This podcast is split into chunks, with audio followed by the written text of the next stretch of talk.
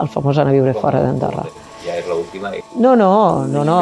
Jo ho vaig dir en el seu dia i ho continuo mantenint. No és el model d'Andorra i vull que tothom que vulgui viure a Andorra pugui viure a Andorra. Però és cert, és cert que no és fàcil, que no és fàcil perquè tenim les limitacions també que tenim. No és el model que la ministra d'Habitatge busca, però sí és cert que se n'ha parlat i força de la possibilitat que part dels nous treballadors a Andorra visquin en zones frontereres perquè al país ja no hi ha lloc, o més ben dit, no hi ha habitatges a un preu assequible per les butxaques assalariades mitjanes. I no només els nouvinguts s'han de plantejar viure a l'Alt Urgell, Residents actuals i andorrans també es plantegen fer el canvi, alguns per obligació, perquè els fan fora de l'habitatge on han estat vivint els darrers anys i no troben res en territori andorrà, i d'altres per guanyar qualitat de vida. Les xifres, però, no indiquen un augment de fronterers els darrers mesos. Ja fa temps que la xifra està estable sobre els 1.700. Clar que aquí no hi apareixen molts andorrans que no demanen permís de treball fronterer i són alegals, ni tampoc residents que han canviat d'estatus però no ho fan oficial fins al cap d'un temps. Aquest és el cas del Manel, nom fictici per preservar la seva intimitat. Això, ha estat un any eh, vivint a l'Alt Urgell i ara, doncs, un, any, un any després, després de tot el, una mica tot el fullon de, de legal, doncs eh, volia regularitzar la meva situació i, i fer-me transfronterer.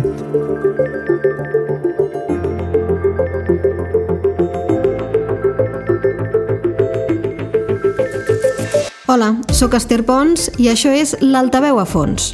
De seguida coneixerem la història del Manel i també posarem altres exemples, ja que avui el que volem és saber què suposa fer el canvi de resident a fronterer.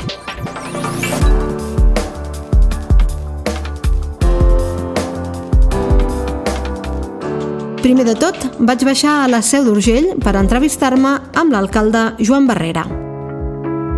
El treballador fronterer, i jo mateix he estat fronterer 8 anys de la meva vida, uns anys feliços, um, al final eh, és un col·lectiu molt gran, és un col·lectiu d'això, de 1.500 treballadors i moltes famílies dependents també, eh, que al final pugen i baixen cada dia, fan la seva vida, alguns eh, doncs, eh, se'n van molt aviat i arriben molt tard, però que és molt important per l'economia domèstica.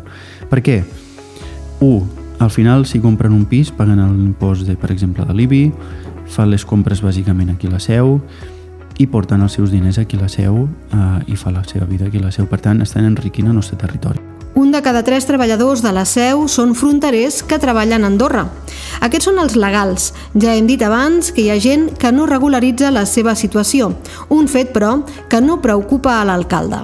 Bueno, al final, si fa la vida aquí, per la seu, la veritat és que tant és que sigui, eh, sigui fronterer o sigui resident a Andorra.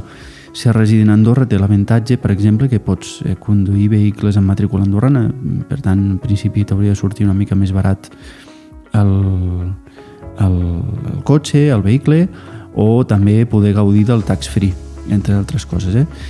Però dit això, mmm, aquí tampoc ens és un, un greu problema en aquest sentit, més enllà de que jo sé que això es controla bastant a, a la frontera, de que no passi això i ja van controlant de que si una persona és, és eh, resident i passa cada dia per la frontera, doncs al final doncs ja li diuen que s'ha de canviar fronterer. Per tant, aquest problema no crec que sigui una cosa crítica per nosaltres. Però no parlem d'això, sinó de les condicions. Barrera entén que ser fronterer avui no és el mateix que fa uns anys. El que passa és que moltes vegades tenen moltes dificultats, perquè ser fronterer no és tot bo. Abans eh, hi havia la imatge, doncs el fronterer cobrava més que la, que la part eh, així catalana, no? a part aquí de la Seu i de la comarca. Cada cop la diferència no, no és tan gran, les, les prestacions tampoc són les mateixes, eh, el que és l'atur, eh, seguretat social, aquí hi ha el tema de, dels fills, eh, eh, que és molt important, quan ets fronterer el, el teu fill o filla doncs no té seguretat social aquí, aquí baix. I per tant ha d'anar amb un paper. Per exemple si vols anar a l'estranger de fer, has de fer una assegurança especial. És a dir, no és fàcil no és fàcil i no tot és, eh, és eh, flors i violes De seguida analitzem algunes qüestions pràctiques. Abans, però, tornem a la història del Manel, que està en procés de regularitzar el seu permís de treball fronterer. Mira, jo he estat, eh, jo he estat cinc anys vivint a, vivint a Andorra, podríem dir que l'especulació immobiliària eh, m'ha empès eh, fora del país i des de fa un any eh, visc a la seu perquè jo volia comprar eh, després de cinc anys i tenint en compte doncs, que eh, en els propers eh, estaré vivint aquí a Andorra, o sigui, no tinc intenció de moure'm, amb la qual eh, doncs la meva intenció era comprar i aquí és impossible, amb la qual eh, vaig estar mirant per l'Urgell i al final doncs, vaig trobar una cosa doncs, que s'adequava diríem als, als ingressos familiars i vaig poder trobar comprar una cosa eh, a baix a l'Urgell a partir d'aquí, doncs, any vivint a l'Urgell i ara, doncs, un any, un any després, després de tot el, una mica tot el fullon de, de legal, doncs, eh, volia regularitzar la meva situació i, i fer-me transfronterer. Eh, he anat tres vegades a immigració. La primera vaig marxar als 5 minuts perquè no em vaig entendre amb la noia que em va, que em va donar la benvinguda, perquè no em va donar la benvinguda, només m'escridassava i, i va ser, val, doncs ja tornaré un altre dia quan m'atengui una altra persona o quan tu estiguis d'un humor diferent. I els altres dos dies que he anat, la veritat és que molt bé eh, el secret, que no sé si l'hauria de dir aquí públicament perquè, perquè potser em, em repercutirà negativament les properes vegades que hi vagi, és demanar cita prèvia, o sigui, simplement és cita prèvia. O sigui, vaig demanar els cops, els, els cops que he anat amb cita prèvia, doncs ha sigut eh, oli amb un llum. O sigui, realment arribar, no esperar-me més de 5 minuts i passar per davant de les 60 persones que hi havia a la sala d'espera. O sigui, és tan senzill com demanar cita prèvia, que costa, que és un tràmit que es fa en 30 segons segons per internet i llavors doncs, eh, tot va molt fluid. És arribar allà, eh, et fan passar de seguida, mmm, donar els papers, no? que, és, que és molt senzill, jo ja els portava fets perquè era, no sé si era el tercer o quart, o quart cop ja que, que renovava el carnet de resident, i ja està, i doncs em van fer els tràmits en 10 minuts i al, i al cap de dos dies vaig tornar eh, i vaig recollir el carnet, vaig pagar i, i ja sóc oficialment, un any després, sóc oficialment transfronterer. Un, una crítica que tinc a posar això també és que, clar, jo ara ja havia, de, com a resident al país eh, de més de 5 anys, ara ja havia de renovar cada 10 i ara com a transfronterer doncs haig de renovar d'aquí un any, amb la qual haig de tornar-ho a fer i després cada 3 anys. Jo crec que es podria fer una mica, amb una mica més de, de temps, però bé, què hi farem? De tot aquest procés, el que va ser més difícil per a ell va ser el de la compra de l'habitatge. Sí, és un enrenou, és un enrenou pel tema... És, o sigui, comprar pis a fora és un enrenou si la teva nòmina i els teus ingressos són a Andorra, perquè no hi ha cap banc andorrà que et vulgui donar un crèdit eh, per comprar alguna cosa fora del país i no hi ha cap banc eh, espanyol o català en aquest cas que et vulgui donar un crèdit dit si la teva nòmina està a Andorra, amb la qual és difícil, és difícil trobar, vaig estar mesos allò explorant solucions fins que al final doncs, el, em van donar la solució i és que era avalar amb alguna propietat de baix, o sigui, era l'única sortida. Llavors vam, vam haver d'avalar una propietat que no era nostra, que ens la van avalar doncs, familiars en aquest, en aquest cas, saps? Perquè ens poguessin donar crèdit. Sí, sí. Qui també ha traslladat no fa massa la seva residència a l'Alt Urgell és el nostre company, el periodista Albert San Juan, i ens relata la seva experiència. Jo portava 13 anys vivint a Andorra, eh, vam decidir amb la meva dona comprar-nos un pis a, en camp de dues habitacions, clar, un fa una planificació doncs, eh, familiar, però el pis, eh, allò que el vas omplint, el vas omplint i se, se't queda petit, eh, decidim doncs, buscar alguna alternativa, decidim doncs, vendre el pis i mirar veurem, uh, alguna, algun pis més elevat, però aquí a Andorra pel que nosaltres podíem pagar no trobàvem res, el, el més barat que trobava era un cinquè sense ascensor eh, reformat, però evidentment això no, no ens interessava, i sorgeix l'oportunitat de, de viure doncs, al Pla de Sentirs a, a l'Alt Urgell, a prop de la Seu d'Urgell.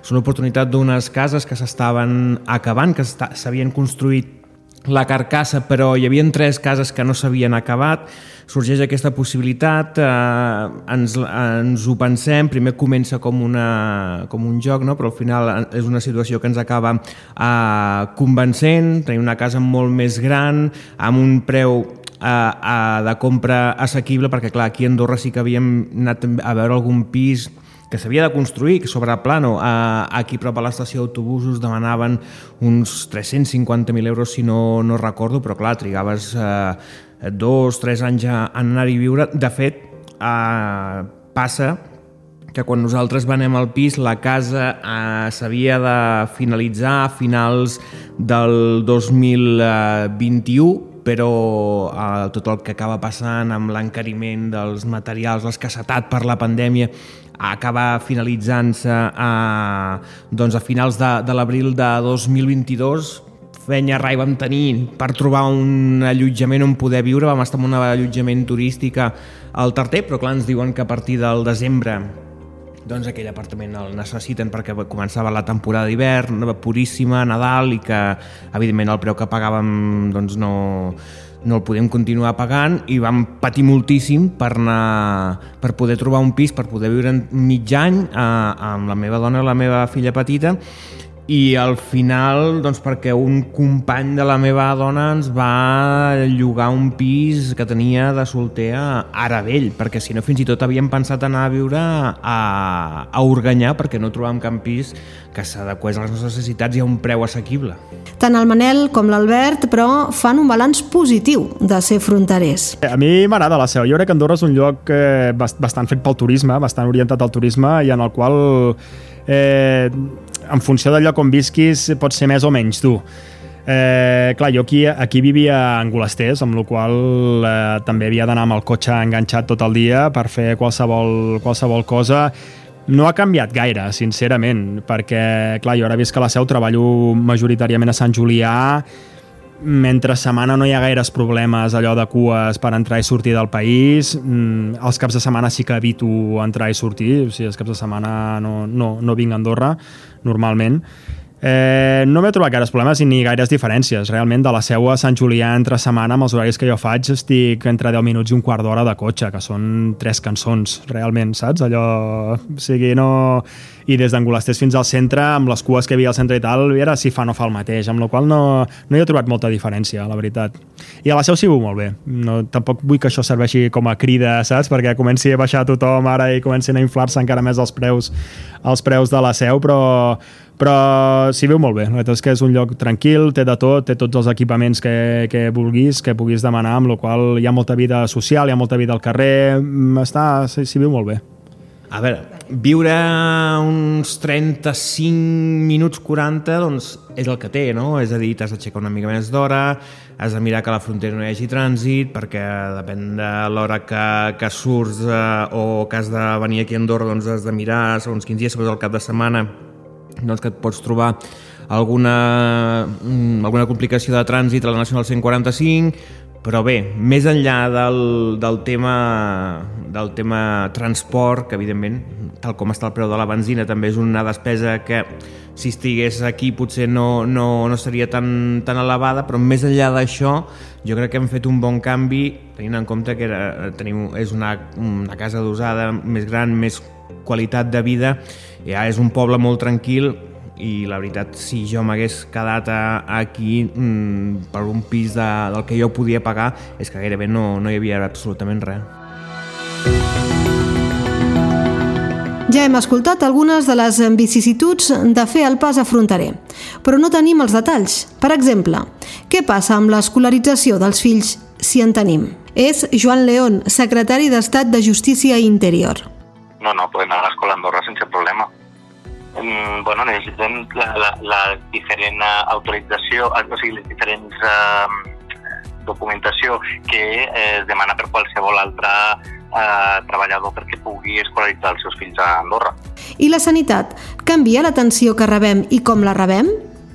Tot això li ho hem demanat al cap de l'àrea de pensions i convenis internacionals de la CAS, Jordi Choi. A nivell nostre, en aplicació estricta de convenis, la relació d'afectacions diferenciades si ets titular o ets beneficiari.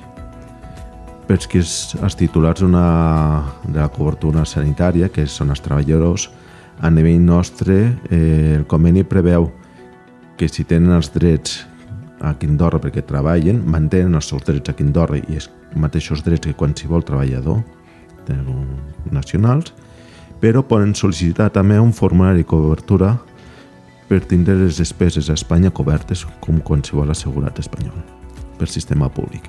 Aquest formulari de cobertura sanitària el poden sol·licitar tant en les nostres oficines com a nivell de Seguretat Social Espanyola. I és important que presenten el document a la Seguretat Social Espanyola perquè ells també l'han de validar. Nosaltres, per exemple, si som els emissors, l'emitem nosaltres, nosaltres l'entreguem, Espanya l'ha de validar i doncs un cop l'han validat tenen la cobertura als dos països. El conveni preveu que han de seguir les regles de Seguretat Social Espanyola. Eh, les despeses que obtenen amb aquest formulari és segons la legislació espanyola i aquests sí que van a càrrec nostre. Ells en refacturen la part que la Seguretat Social cobreix. I què passa amb els fills? Que a nivell de fills, el conveni preveu de que s'ha de mirar al lloc de residència si tenen una cobertura. Si un dels pares els hi pot donar cobertura sanitària, aniran a càrrec a la Seguretat Social Espanyola. Per exemple, un home matrimoni, que un d'ells treballa a Andorra i l'altre a, la, a la seu, per exemple doncs aniran a càrrec del pare que està a la Seguretat Social Espanyola. Si no és el cas, sí que hi ha un altre formulari que preveu que aquests nens tenen cobertura a la Seguretat Social Espanyola a càrrec nostre. I doncs els drets que tenen és com qualsevol algun assegurat indirecte a Espanya, però a càrrec nostre. I la cobertura només la tenen a Espanya. I a nivell d'Andorra només estan coberts si tenen una urgència. Una altra de les qüestions que cal tenir en compte és la fiscalitat. On tributem si treballem a Andorra i vivim a l'Alt Urgell? Aquest punt ens l'explica el responsable de la part fiscal del despatx estanyol de la Seu, Santi Magant. Bé, el que he de tenir en compte sobretot és tenir molt clar eh, el concepte de la residència fiscal. No? Eh, de residència fiscal només es pot tenir una, eh, per tant, eh, pot pensar que és resident fiscal a l'estat espanyol o bé que és resident fiscal al Principat d'Andorra i aquí és on eh, és important tenir clar aquest concepte. No? En principi, el fronterer, eh, com que eh, roman més de eh, 183 dies eh, en l'estat espanyol, per nocta més de 183 dies, li correspondria ser resident fiscal eh, a l'estat espanyol. Eh, I aquí, doncs, eh, si eh, comencem a, a veure com és la tributació del resident fiscal del fronterer a Espanya, doncs, com que eh, estem parlant de que la residència ens marca on has de tributar a nivell de renda universal, en un principi eh, es pensaria doncs, que jo tinc que tributar per aquestes rendes que obtinc d'Andorra, no? aquestes rendes del treball que obtinc d'Andorra, com qualsevol altre treballador, eh, sense cap diferència. Ara bé, doncs, una vegada jo eh, penso que tinc que tributar, eh, començo a mirar una mica la llei de l'IRPF i en allà ens trobem amb un article que és molt important pels fronterers, que és l'article 7, la lletra P, que ja estava eh, fins i tot molts anys abans de que es fes el conveni de doble imposició i estava en vigor, que ens diu una mica el següent. Ens diu, escolta, si tu eh, tens uns rendiments del treball i aquests rendiments del treball no superen la quantitat de 60.100 euros i eh, allà d'on venen aquests rendiments del treball són a l'estranger i en aquest país on tu estàs obtenint aquests rendiments hi ha un impost de naturalesa similar al nostre impost, a l'impost de la renda, doncs fins a aquests 60.100 euros estan exents de tributació. Però atenció, perquè sobre aquest punt hi ha controvèrsia. Aquest article, torno a dir, no és un article que està pensat per als fronterers. Està més bé pensat per un treballador doncs, que treballa en una empresa espanyola i li envien a fer una feina de dos mesos o tres mesos en un altre país, un projecte, el que fos. Per aquests rendiments de treball que pugui obtenir, doncs s'estableix aquesta exempció dels 60.100 euros. Ara bé, si mirem l'article, si el llegim, jo sóc fronterer, sóc una persona que cada dia em desplaço a l'estranger. Sí? Molt bé. Sóc una persona que també en el país on em desplaço hi ha un impost de naturalesa similar. Per tant, per què no puc aplicar, per què no puc encaixar dins d'aquest eh, article? Aquí va haver una mica de controvèrsia, no? va haver una mica de polèmica, hi havia molta incertesa i a dia d'avui encara la tenim, aquesta inseguretat jurídica. No? Hem fet consultes, hem fet consultes a Lleida, Lleida ens va dir que, bueno, en principi eh, ells no tenen aquesta jurisdicció, sinó que això depèn de Madrid, però de la lectura que feien ells de l'article veien que per què no es podria aplicar. Per tant, Lleida deixava la porta oberta a poder aplicar aquest 7P a, a, amb els fronterers. A partir d'aquí és quan nosaltres doncs, comencem a aplicar aquesta exempció als nostres clients, els treballadors fronterers.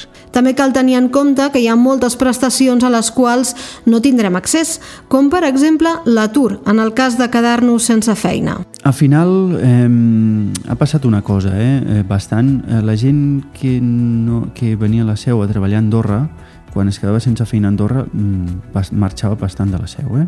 Sobretot a la crisi econòmica es va veure molt clarament amb aquest descens de la població. La gent que perdia la feina a Andorra i tampoc la seu era capaç de, d'oferir una sortida laboral, doncs acabar marxant. Um, és cert, eh, no hi ha les mateixes prestacions socials a nivell de doncs, l'atur, aquesta prestació per, eh, per desocupació no, no, no és la mateixa a Andorra que, el, que la seu. O el que és el SOC eh, i el que és el, el CEPE no, no hi ha possibilitat.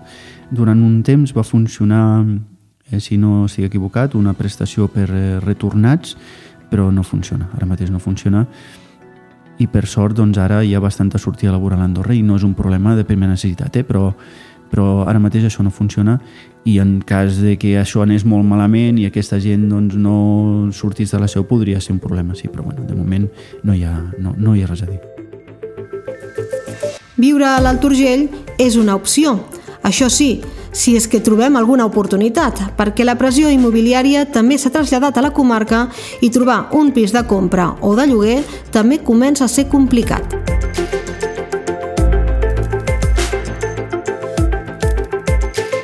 Això ha estat l'Altaveu a fons. Aquest episodi l'ha realitzat qui us parla, Esther Pons. Espero que us hagi agradat. La setmana vinent tornem amb més històries.